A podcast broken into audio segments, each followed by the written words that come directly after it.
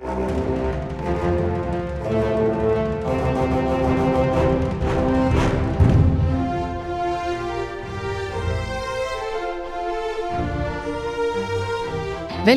til Frankrike forklart, en podkast der du får svar på alt du lurer på om Frankrike.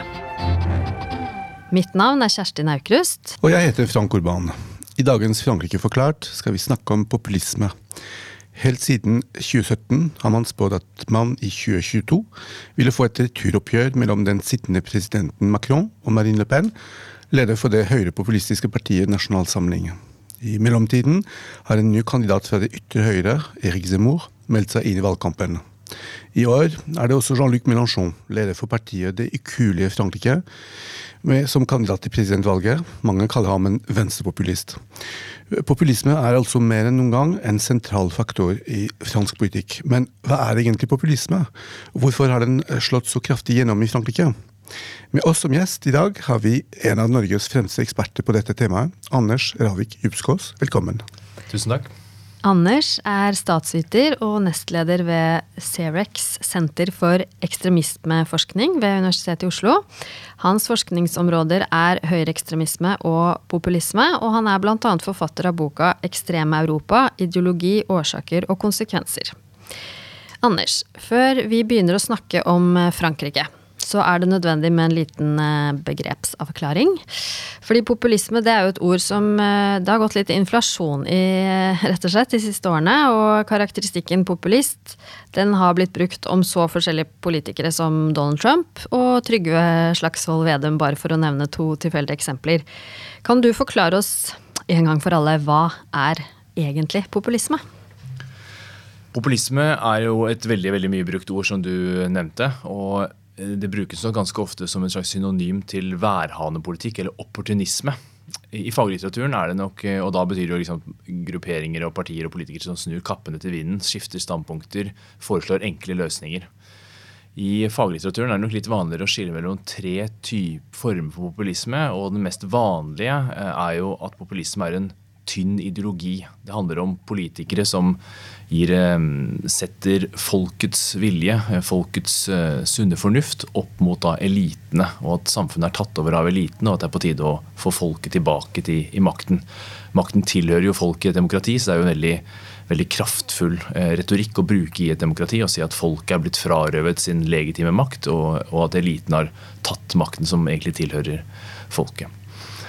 I en sånn definisjon så er det da poenget at uh, folket og eliten er to motstridende grupper, hvor de ikke bare har ulike interesser, men også ulik moralsk status. Folket er godt, det, det, er, eh, det er, eh, troverdig, det er oppriktig, det er autentisk. Mens eliten er da ond, korrumpert, virkelighetsfjern, på grensen til å være forrædere. Så finnes det i tillegg to andre typer. altså Dette er den tynne ideologiforståelsen. Men det er to andre måter òg. Det er at eh, populisme ofte forbindes også med en bestemt type stil. altså En slags sånn folkelig stil i politikken. Kanskje at man kler seg litt annerledes. Det har vært flere eksempler fra norsk eh, politisk historie også, hvor politikere ikke, sant, ikke kommer i dress, men kommer i en annen type genser isteden. I Frankrike så var det jo en, en politiker på 50-tallet, Pierre Pouchard, som vi skal snakke mer om senere, som, som også kom liksom med, med en, en, en, eh, skjorte uten slips. Han prøvde å distansere seg fra den etablerte etablerte politikerklassen. Og til slutt så er det jo populisme ofte forbundet med en type strategi hvor man appellerer til det brede, brede folk, og at man er en slags karismatisk leder som sier at jeg skal, jeg skal uh, få orden på sakene. Og uh, går forbi da, de etablerte partistrukturene og, og, snakker direkte til folket. Typisk i sånne presidentvalgkamper, særlig i USA, for eksempel, hvor man da fremmer seg selv som folkets representant. Så Det er litt ulike, ulike definisjoner i litteraturen, men hovedpoenget er dette at populismen er en forestilling om at folket er blitt frarøvet sin makt, og at elitene har tatt den makten fra dem. I, i denne episoden skal vi snakke hovedsakelig om høyrepopulisme. Men i faglitteraturen, som du påpekte, så skiller, så skiller man gjerne mellom venstrepopulisme og høyrepopulisme. Hva er likhetene mellom disse to typene, og hvilke elementer skiller dem fra hverandre? Ja, det her er et viktig poeng med at populismen som en slags tynn ideologi, som da kobles sammen med mer tykke ideologier, sånn som sosialismen eksempel, på venstresiden, eller med nasjonalismen eller nyliberalismen på høyresiden. Og det som skjer er at når, når populismen kommer sammen med disse mer tykke ideologiene, så får den en slags politisk innhold. Og det blir tydelig at eh, hvem folket er, og hvem eliten er, er da venstre- og høyrepopulister veldig uenige om. For venstrepopulister så vil jo typisk eliten være finanseliten, de økonomiske elitene. Eh, kan være overnasjonale institusjoner som, som eh, Pengefondet eller, eller, eller EU, eh, e for den saks skyld. Mens folket da er hardtarbeidende, eh, som blir, ikke får, den, får de, de, økonomiske midlene de har, har rett på. Mens for høyrepopulistene så er det i mye større grad elitene, de kulturelle elitene, som står for en progressiv politikk når det gjelder innvandring, likestilling, miljøspørsmål.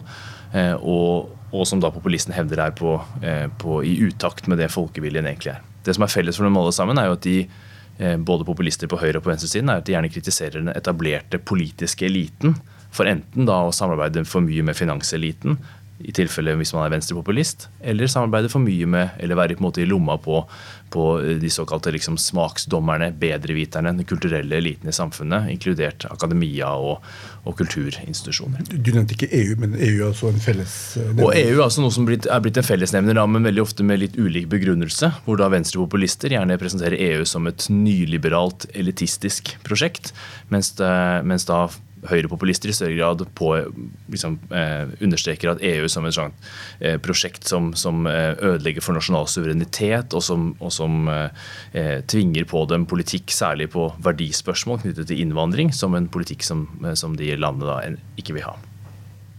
Så til eh, Frankrike, hvor man eh, opp gjennom historien har sett mange forskjellige eksempler på eh, populisme, bl.a. den du nettopp nevnte i stad, poujadismen, som, fått, som fikk sitt navn etter kjøpmann Pierre Poujade på 50-tallet.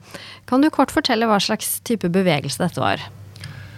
Og Det som skjedde i Frankrike på 1950-tallet, var jo kombinasjonen av eh, minst to ting, eh, kanskje tre. Hvor Den ene handlet jo om en enorm politisk ustabilitet. Man hadde hatt da 14 regjeringer i perioden 1947 til 1959 med gjennomsnittlig levetid på seks måneder bare. Dette ble kombinert med en slags nasjonal identitetskrise, noe som er velkjent for alle som har studert Frankrike i lang tid, nemlig den franske ideen om å være en stormakt, eh, være blant de mest sentrale landene i verden, noe de for så vidt historisk også har, har, vært i perioder. Men sant, en av vinnerne etter andre verdenskrig. Eh, eh, og så opplever man da på 50-tallet at man taper terreng i den ene kolonien etter den andre. Først taper man jo krigen i Indokina, og senere også kommer Algerie på toppen av det. Og så, i tillegg, så får man da disse krigene, som ikke går så bra for Frankrikes del. Da. De fører også til store økonomiske problemer og en massiv inflasjon. Og en av de som virkelig skvises i denne utviklingstrekket, og som får en voldsom forakt for det politiske systemet, er små kjøpmenn og på en måte hele, hele håndverkere og, kjøpmenn i, i, Frankrike. Og Pierre Pochard trer da frem som en slags eh, representant for denne, for denne bevegelsen som i mange tilfeller er et, eh, Den utløsende årsaken er egentlig et forsøk på å modernisere Frankrikes skattevesen, fordi man trengte mer inntekter eh, til staten. Og, og de, eh, etter hvert så, så, ble det sendt ut flere folk som skulle kontrollere disse kjøpmennene, passe på at de betalte riktig skatt. Og, og Pierre Pochard og andre omtalte disse da, som foraktfullt som Gestapo fiskal. altså De skulle komme inn og hente inn, inn pengene og så snoke i, i folks bedrifter. Han selv drev en liten papirforretning sammen med sin kone i Sørvest-Frankrike, i Saint-Céré.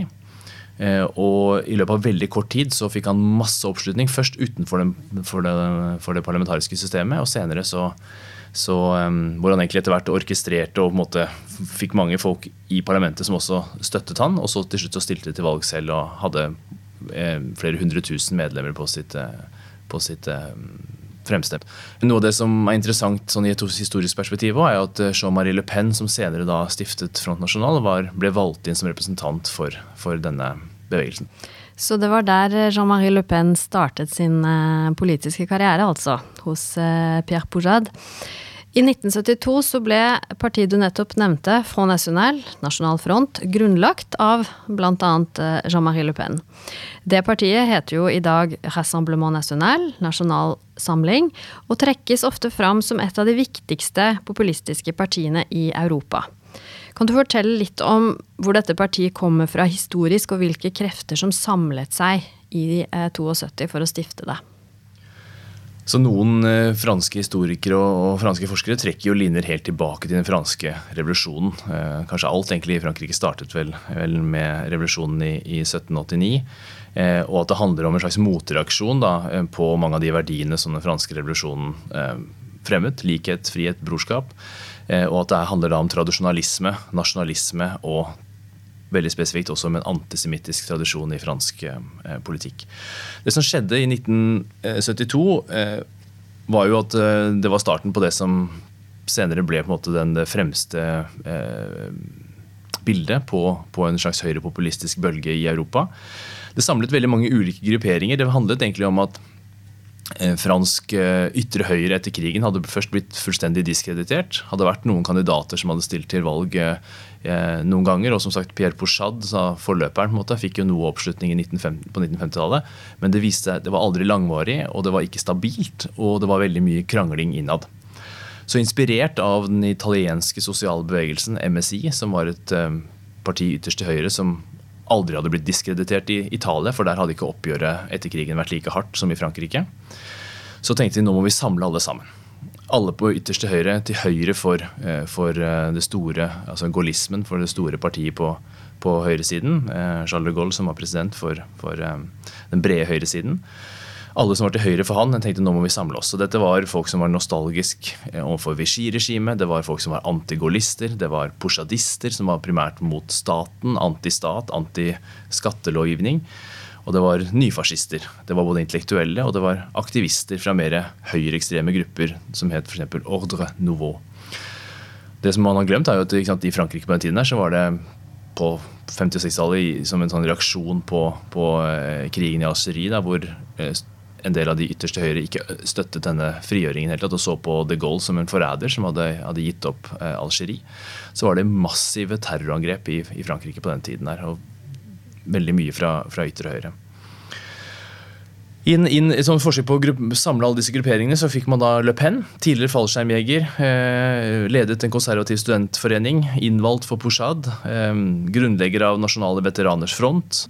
Så han hadde vært involvert i alle høyreekstreme kamper, så å si, men var samtidig relativt politisk respektabel. Altså Han var ikke, ikke av det brede offentligheten i Frankrike, men innad på høyresiden så var han ikke en fyr som var sett på som en sånn bajas som ikke kunne, eh, ikke kunne styre seg.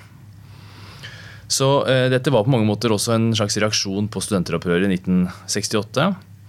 Men fikk egentlig da veldig begrenset oppslutning i starten. Mye interne, voldelige eh, oppgjør eh, fordi man ikke klarte å bestemme seg. Det var jo krevende å, å bringe både disse intellektuelle, eh, de som ønsket å, å, å, ha en mer parlamentarisk eh, strategi, altså man skulle søke oppslutning gjennom valg og ikke gjennom eh, terror og konflikter mellom dem. Og det var egentlig ikke før på 1980-tallet. Først i en lokal by, eh, liten by Drø, eh, og senere i europaparlamentsvalget 1984 at, at Nasjonal Front, da, nå Nasjonal Samling, for første gang ble en politisk kraft i Frankrike. Jean-Marie Le Pen selv han satt som leder for partiet frem til 2011. Han var kjent som eh, Le Diable de la République, republikkens, republikkens djevel. Hva, kjennetegnet partiet under Jean-Marie Le Pens ledelse? På hvilken måte var det populistisk? Altså Det handlet jo da veldig mye om Han var jo en klassisk representant for, for den såkalte høyrepopulismen. Dette ble jo eh, utviklet etter hvert eh, ved hjelp av en, en, mer intellektuell gruppe som het Noël Droite. Så ble det utviklet en ny strategi hvor man skulle gå vekk fra den mer biologiske rasismen til en mer det som er kalt for etnopluralisme på den ene siden. Altså tanken om at det var ikke lenger hierarkier mellom folk, men det var eh, vel så viktig å si at Frankrike er for franskmenn, og så kan Tyrkia være for tyrkere. Men samtidig så var det også viktig for dem å gå vekk fra eh, tidligere sant, veldig tydelig uttalte antidemokratiske strømninger som hadde fantes, eh, eksistert da langt ut på, på høyresiden. Og begynne å snakke heller om at det store problemet var ikke at demokratiet som sådan var feil, men at folket hadde ikke den rettmessige innflytelsen på, eh, på politikken.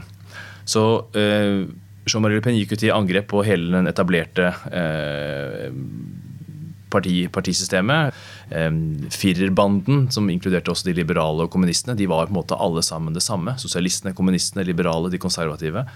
Ingen av dem var for Frankrike. Han ble spurt om hva, eh, om Nasjonal Front var høyre eller venstre. Han sa de er ikke høyre eller venstre, de er franske. Og forsøkte å på en måte heve seg over denne høyre-venstre-skillet i politikken.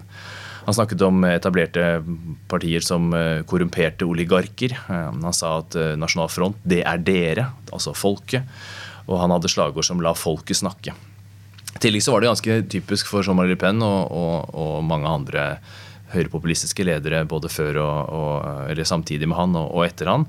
Denne eh, eh kan vi kalle det for trangen, eller, eller i hvert fall eh, relativt, må ha vært relativt bevisste strategien om å bryte, tabuer i samfunnet. Man, for få, dels for å få oppmerksomhet, Dels for å vise selvfølgelig også som en del av politiske stilen at man ikke var som de etablerte politikerne. Man snakket lett, rett fra levra, så å si. Så han hadde jo masse utspill opp igjennom. F.eks. det mest kjente er vel at eh, at eh, holocaust og, gasskammeret er en slags detalj i historien, hvor han forsøkte å nedtone betydningen av det som hadde skjedd under jødeutryddelsen under andre verdenskrig. Han snakket om at NSDAP, altså nazipartiet i Tyskland, var en barn av den franske revolusjonen. Han kalte menneskerettighetserklæringene for eh, totalitære bevegelsers mor. Og han snakket om at eh, samfunnet var styrt av ekstremistiske venstrejøders diktatur, eller at perverse homoseksuelle bør bures inne. Så det, det, fantes knapt nok ingen grenser. Og i dag er det jo på mange måter liksom Erik Semour, som er da konkurrenten til hans datter Marine Le Pen, som ivaretar denne tradisjonen med å bryte tabuer stadig vekk. Men på bakgrunn av det du nettopp sa, vil du kalle Nasjonal Front på 80-tallet, 90-tallet, eh, vil du kalle Nasjonal et høyrepopulistisk parti eller et, et høyreekstremt parti?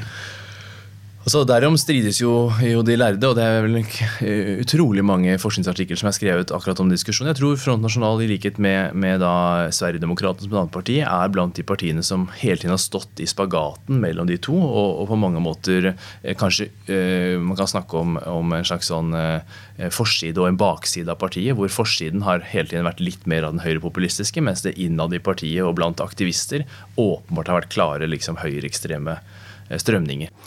På, på 80-tallet så forsøkte Le Pen å få innpass i det franske Høyre. Eh, det fungerte ikke helt, eh, ikke minst fordi at eh, altså Høyre-politikerne nektet å gå inn i en allianse med, med Nasjonal Front. Og Da gikk han over til en annen strategi, som var å prioritere på en måte en verken venstre- eller høyre-taktikk. Dømte han Nasjonal Front til å forbli et marginalt, et marginalt protestparti, eller var det riktig valg?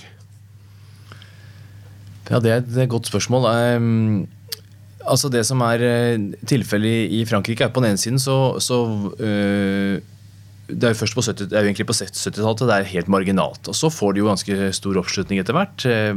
Bikker 10% Egentlig ganske sånn respektabel oppslutning, hvis du tenker på at, hvordan det hadde vært i et norsk partisystem, med et, med et flerpartisystem hvor det hadde vært på størrelse med Fremskrittspartiet i Norge i dag, eller Senterpartiet for en saks skyld, på, på meningsmålingene. Så poenget er jo bare at i Frankrike det som skjer, er at valgsystemet gjør, gjør, det på den måten at hvis du har for liten oppslutning og i tillegg ikke klarer å skape allianser eh, med andre krefter, om det enten er eh, på venstresiden eller på høyresiden, så vil du tape. Det som skjer, er at du først stiller til valg, og så er det de kandidatene som får eh, eh de to kandidatene som får mest oppslutning, som går videre til neste runde. Og det som skjedde var at Front National nesten aldri klarte å gå videre, eh, og at eh, i den grad de gjorde det, så pleide Eh, da det andre partiet som gikk videre, eller det andre partiet, store partiet som ikke gikk videre, de la ned sine, trakk sine kandidater for at eh, de etablerte eh, kandidatene skulle, skulle, vinne. Så du kan si at denne veldig konfronterende stilen som hadde, gjorde at man ble eh, kunne bli ganske populær blant noen velgere og gjøre det godt i første runde, men stort sett fikk nesten ingen eh, kandidater valgt da, til, til verken lokalt eller, eller, eller, og i hvert fall ikke nasjonalt, hvor det selvfølgelig eh, var nesten umulig for Nasjonal Front å, å bryte gjennom. Så, så det både, både liksom manglende alliansene, eh, valgordningen gjør det vanskelig for Nasjonal Front å komme. Så kan man si at budskapet eh, hadde en, en, en, nytteverdi ved å gi han oppmerksomhet, men, men i praksis førte til at det fikk veldig liten innflytelse. Samtidig så er det jo selvfølgelig sånn at i politikken at innflytelse kan jo komme på mange måter. Og det var jo eh, ikke noe tvil om at, at eh, de etablerte politikerne var redde for at han skulle vokse enda mer, og at de i perioder også eh, tok opp i seg ganske mye av den retorikken som, som eh, Jean-Marie Le Pen frontet. Og at han og at han på mange måter i en tidlig fase var med å flytte hele den offentlige debatten i Frankrike over på et mer verdikonservativt, til dels reaksjonært spor. I 2011 så var det datteren til Jean-Marie, Marine Le Pen, som ble valgt som ny leder for eh, Front National. Og hun eh, tok partiet til nye høyder, i hvert fall hvis man ser på valgresultater. Hva vil du si kjennetegner Marine Le Pens lederstil? Er hun på mange måter det man kan kalle en typisk populistisk leder?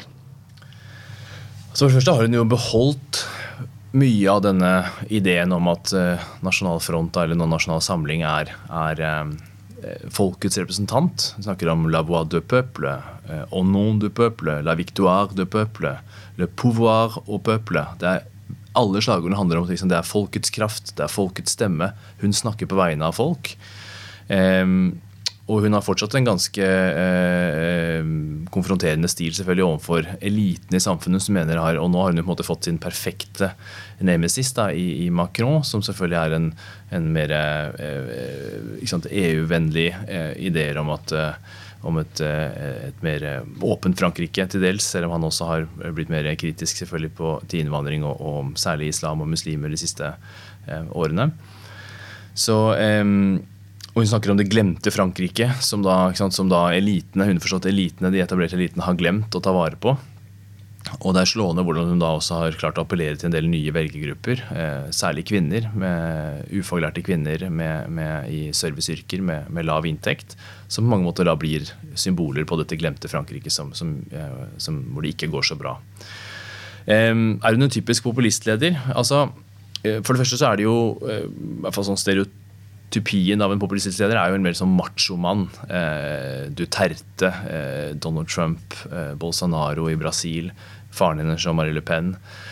Men så er det liksom spørsmål hvor, hvor mange er det som egentlig passer til denne stereotype. Kanskje vi både som forskere også skal på en måte nå legge vekk disse stereotypene. Vi har eh, forestillingene. Vi har jo Pia Kjærsgaard i Danmark, var eh, lenge leder for Dansk Folkeparti. Jimmy Åkesson i Sverigedemokraterna fremstår ikke som en spesielt macho-type. Han er omtalt mer som svigermors drøm.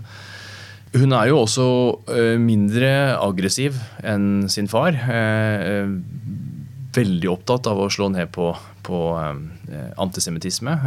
Har jo flere ganger tatt avstand fra faren også, som til slutt kulminerte med at han ble ekskludert fra partiet. Hun har jo sine øyeblikk hun også, hvor hun, hvor hun fremstår som ganske eh, selvfølgelig en konfronterende toppolitiker. Det var særlig denne debatten med Macron i, i presidentvalgkampen 2017, hvor hun på mange måter mistet litt fatningen. Når hun innså at hun kanskje ikke hadde så gode politiske svar på en del av de utfordringene Frankrike sto overfor. Og internt så har hun også bevart mye av det eh, måten hennes far styrte partiet på, og som kjennetegner høyrepopulistiske partier generelt, nemlig en veldig autoritær lederstil innad, hvor du på mange måter må holde deg inne med, med lederen. Og, og, og, de som ikke gjør det, de blir ganske fort eh, dyttet ned til andre. Enten dyttet ut av partiet eller, eller gitt helt ubetydelige oppgaver innad i partiet. Vi snakket om taktikk, og en ting er jo hva, om innholdet i partiets program endrer seg. En annen ting er jo hvilken taktikk man bruker for å få et større nettverksfelt. Man bruker ordet uh, avdemonisering i forhold til Marine Le Pen. Hva, hva betyr avdemonisering, og hva, hva, hva, er strategien bak det? Mm. Nei, alt, hele hennes, uh, og Dette startet ganske tidlig. Hun, hun, har jo jobbet med å på en måte modernisere partiet også lenge før hun til slutt ble valgt uh, som leder. Hun fikk jo fremskutte posisjoner i partiet av sin far, til tross for egentlig ikke å ha så veldig stor liksom, Eh, tilhengerskare innad i partiet, men har på en måte blitt løftet frem av sin far. Og alt handler jo om å gjøre partiet mer spiselig for velgerne. Eh, mindre giftig. Jeg må huske at eh, En stor del av franske velgere ser på Nasjonal Front som en trussel mot demokratiet. Han Tidligere var det tre av fire franskmenn mente at det partiet var en trussel mot det franske demokratiet. Nå er det varierer litt, nå har det gått litt opp og ned, men det har i hvert fall hun Marine Pen har klart å få det ned til omkring halvparten av velgerne. Um, som jeg sa, så Noe av det mest sentrale har vært dette med å forby antisemittisme. Eh, eh, hun har fordømt farens uttalelse om, om, at gasskammeret er en detalj. Hun, hun, sier snarere tvert imot at Shoa, eller da holocaust, er symbolet på liksom, det er barbariets høydepunkt. Eh, det har aldri vært så ille. Eh, eh, hun har eh, tatt avstand, og han har forsvart både Petain og Vichy-regimet, altså de som samarbeidet med Nazi-Tyskland. Når han har gått så langt med å si at det, liksom, det var ikke så inhumant under annen verdenskrig, så har hun tatt veldig tydelig avstand eh, fra det. Eh, og kanskje mest slående del av denne avdemoniseringsstrategien har jo også vært å et stykke på vei gå vekk fra noe av denne eh, ikke sant, vi kalte det for etnopluralistiske eller tanken om at liksom Frankrike bare skal være for, for en veldig bestemt type franskmenn, bare de, de, hvite katolske franskmennene. Og har heller snakket om at Frankrike er bygd på noen bestemte republikanske verdier, noen sekulære verdier. Eh, og hvis du ikke kjøper de verdiene, da kan du ikke være her. Men hvis du gjør det, hvis du på en måte assimilerer deg til de franske verdier, så kan du få lov til å være en, en del av, av, Frankrike. Så hun har forsøkt å kritisere innvandring, dette ser vi også i mange andre land, kritisere innvandring, og muslimer spesielt, mer på bakgrunn av på en måte understreke det sekulære og, og, og, da antyde at en del av muslimene er en trussel måte, både mot kvinners eh, rettigheter, mot homofiles rettigheter og mot eh, sekulært, eh, en sekulær offentlighet. Så hun forsøker å gjøre innvandringskritikken sin enda mer spiselig. Det har kanskje vært noe av det mest tydelige som, som hun har gjort. Som de fleste har fått med seg, så har Marine Le Pen fått en utfordrer på ytre høyre fløy. Du nevnte han i stad, den kontroversielle skribenten Erik Simour. Han tilhører jo visselig den intellektuelle eliten i Frankrike. Og meningsmålinger viser også at velgerne han appellerer til, har en mer, skal man kalle det, eh, borgerlig profil enn en velgerne til Marine Le Pen, som, som i større grad eh, tilhører arbeiderklassen. Kan han allikevel kalles eh, populist, med tanke på det du sa i stad om motstand mot elite osv.? Ja, det her jeg tenker det er viktig at man ikke lar det gå inflasjon i, i begrepsbruken, og at man ikke blander sammen alle mulige former for protestbevegelser med populisme. At populisme har denne veldig spesielle eh, innpakningen. At det handler om folket mot eliten, og at man selv hevder å være folkets representant. Og, og Erik Seymour han gjør jo egentlig på mange måter noe av det mot, helt motsatte. Han sa i et intervju i november, 22. Eh, november i fjor som jeg fant, hvor han sier jeg er medlem av eliten. Det er bare en allianse av en patriotisk elite og de lavere klasser. Det er Egentlig ganske foraktfullt å snakke om det. Altså, hvis du stemmer på meg, du som tilhører den lavere klasse, du må stemme på meg og være sammen med oss, den patriotiske eliten. Da kan vi få stoppet det han ofte snakker om da, som, som, den store utskiftningen, nemlig ideen om at eh, franske hvite befolkningen blir skiftet ut og erstattet da bevisst av, av med, gjennom muslimsk innvandring. Så på mange måter synes jeg han minner mer om Trump, som er også annet, eh, en annen person som ofte omtales som populist, men som på mange måter nesten i større grad er en elitist, hvor han mener at han står over folket. Han har mer innsikt, mer kunnskap. Og det er han som måte, den, den, reddende eh, frelseren på toppen som skal, som skal sørge for at, eh, at, Frankrike, eller da i tilfelle Trump med USA, skulle komme på Make America Great Again takket være hans eksepsjonelle evner. Ikke at han måtte er en inkarnasjon av folkets mer sunne fornuft. Det er fordi han har spesiell innsikt. Og jeg syns Erik Simour minner mer om en, om en sånn type.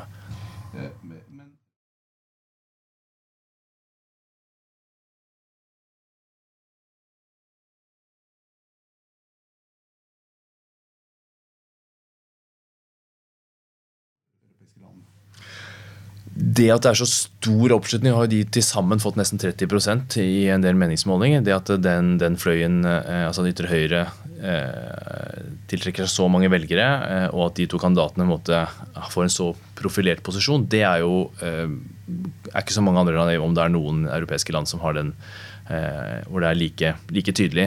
Men jeg synes det er slående hvordan stadig flere land preges av denne konflikten ytterst til høyre. Både Danmark og Nederland også. Danmark har det mellom Dansk Folkeparti, som jo gjorde det kjempegodt i 2015, ble største parti på høyresiden, og nå er nede på ja, 4-5-6 og er blitt utfordret av et parti som heter Nye Borgerlige.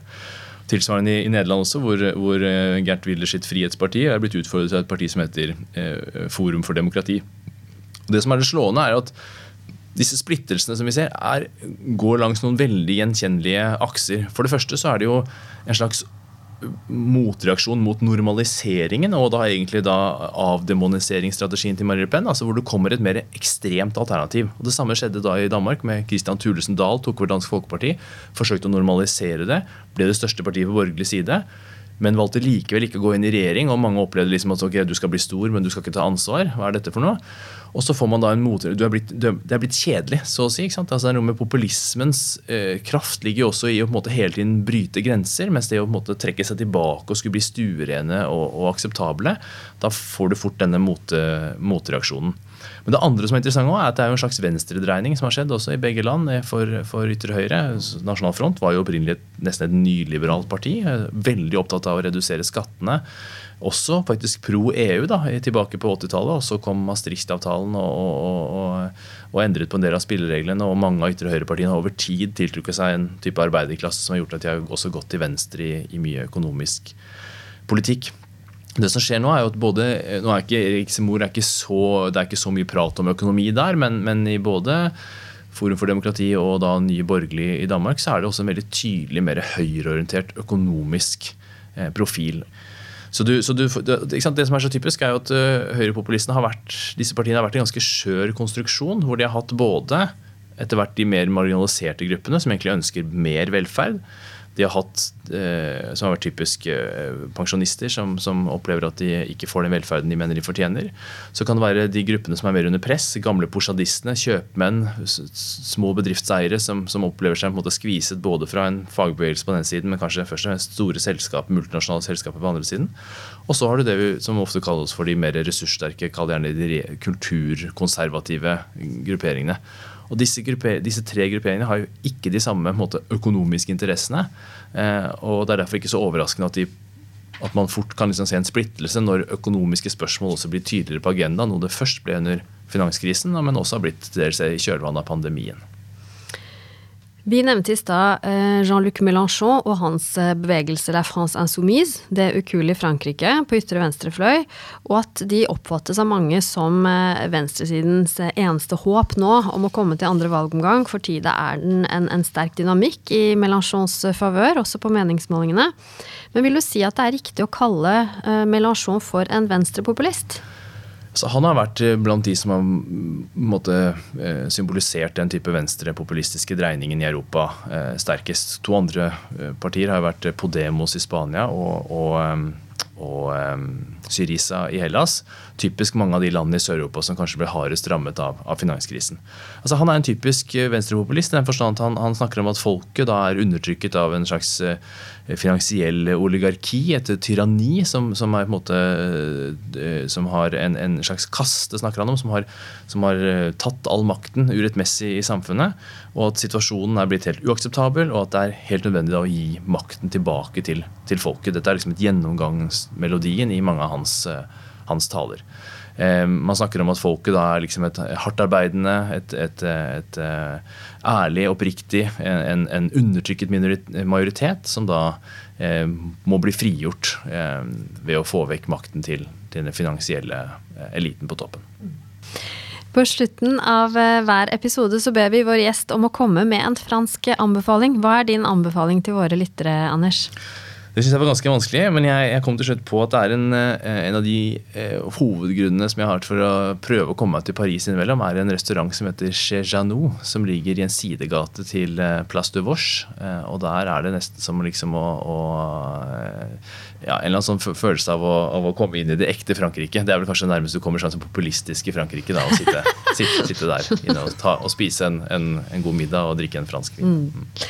Frank, har du også en liten anbefaling? Ja, Det har jeg, Kjerstin. Eh, jeg må nesten få lov å anbefale kapitlet som du skrev om eh, Marion Maréchals bruk av metapolitikk, og hvordan en del av de franske ytre høyre arbeider for å forene høyresiden med det de kaller for det patriotistiske Høyre. Artikkelen heter The Metapolitical Strategy Towards an Alliance Between the Republican and Radical Right in France. Og den kan hentes i Open Access uh, i den siste boken som forskergruppen Arias publiserte i januar 2022, Living Alliances og Living Alliances Interdisciplinary Perspectives. Jo, takk for den eh, egenreklamen. Marion Marichal er da niesen til Marine Le Pen igjen, så dynastiet eh, fortsetter. Da gjenstår det bare å takke vår gjest eh, Anders Ravik Djupskås, så høres vi igjen i neste episode av Frankrike forklart. Au revoir! Frankrike forklart er et samarbeid mellom Universitetet i Oslo og Høgskolen i Østfold. Podkasten er støttet av Det norske universitetssenteret i Paris og Institut Francais i Oslo, og har full redaksjonell frihet. Abonner på Frankrike forklart på iTunes, Spotify eller på andre plattformer der du lytter til podkast. Har du kommentarer til oss eller forslag til temaer vi bør ta opp, kan du sende inn det via vår Facebook-side Frankrike forklart. Alle dagens referanser ligger på denne Facebook-siden og på nettsiden vår vi skriver en kronikk i forbindelse med hver episode som belyser dagens tema fra en litt annen vinkel. Kronikken finner dere på forskning.no, Transitmagasin og på nettsiden vår.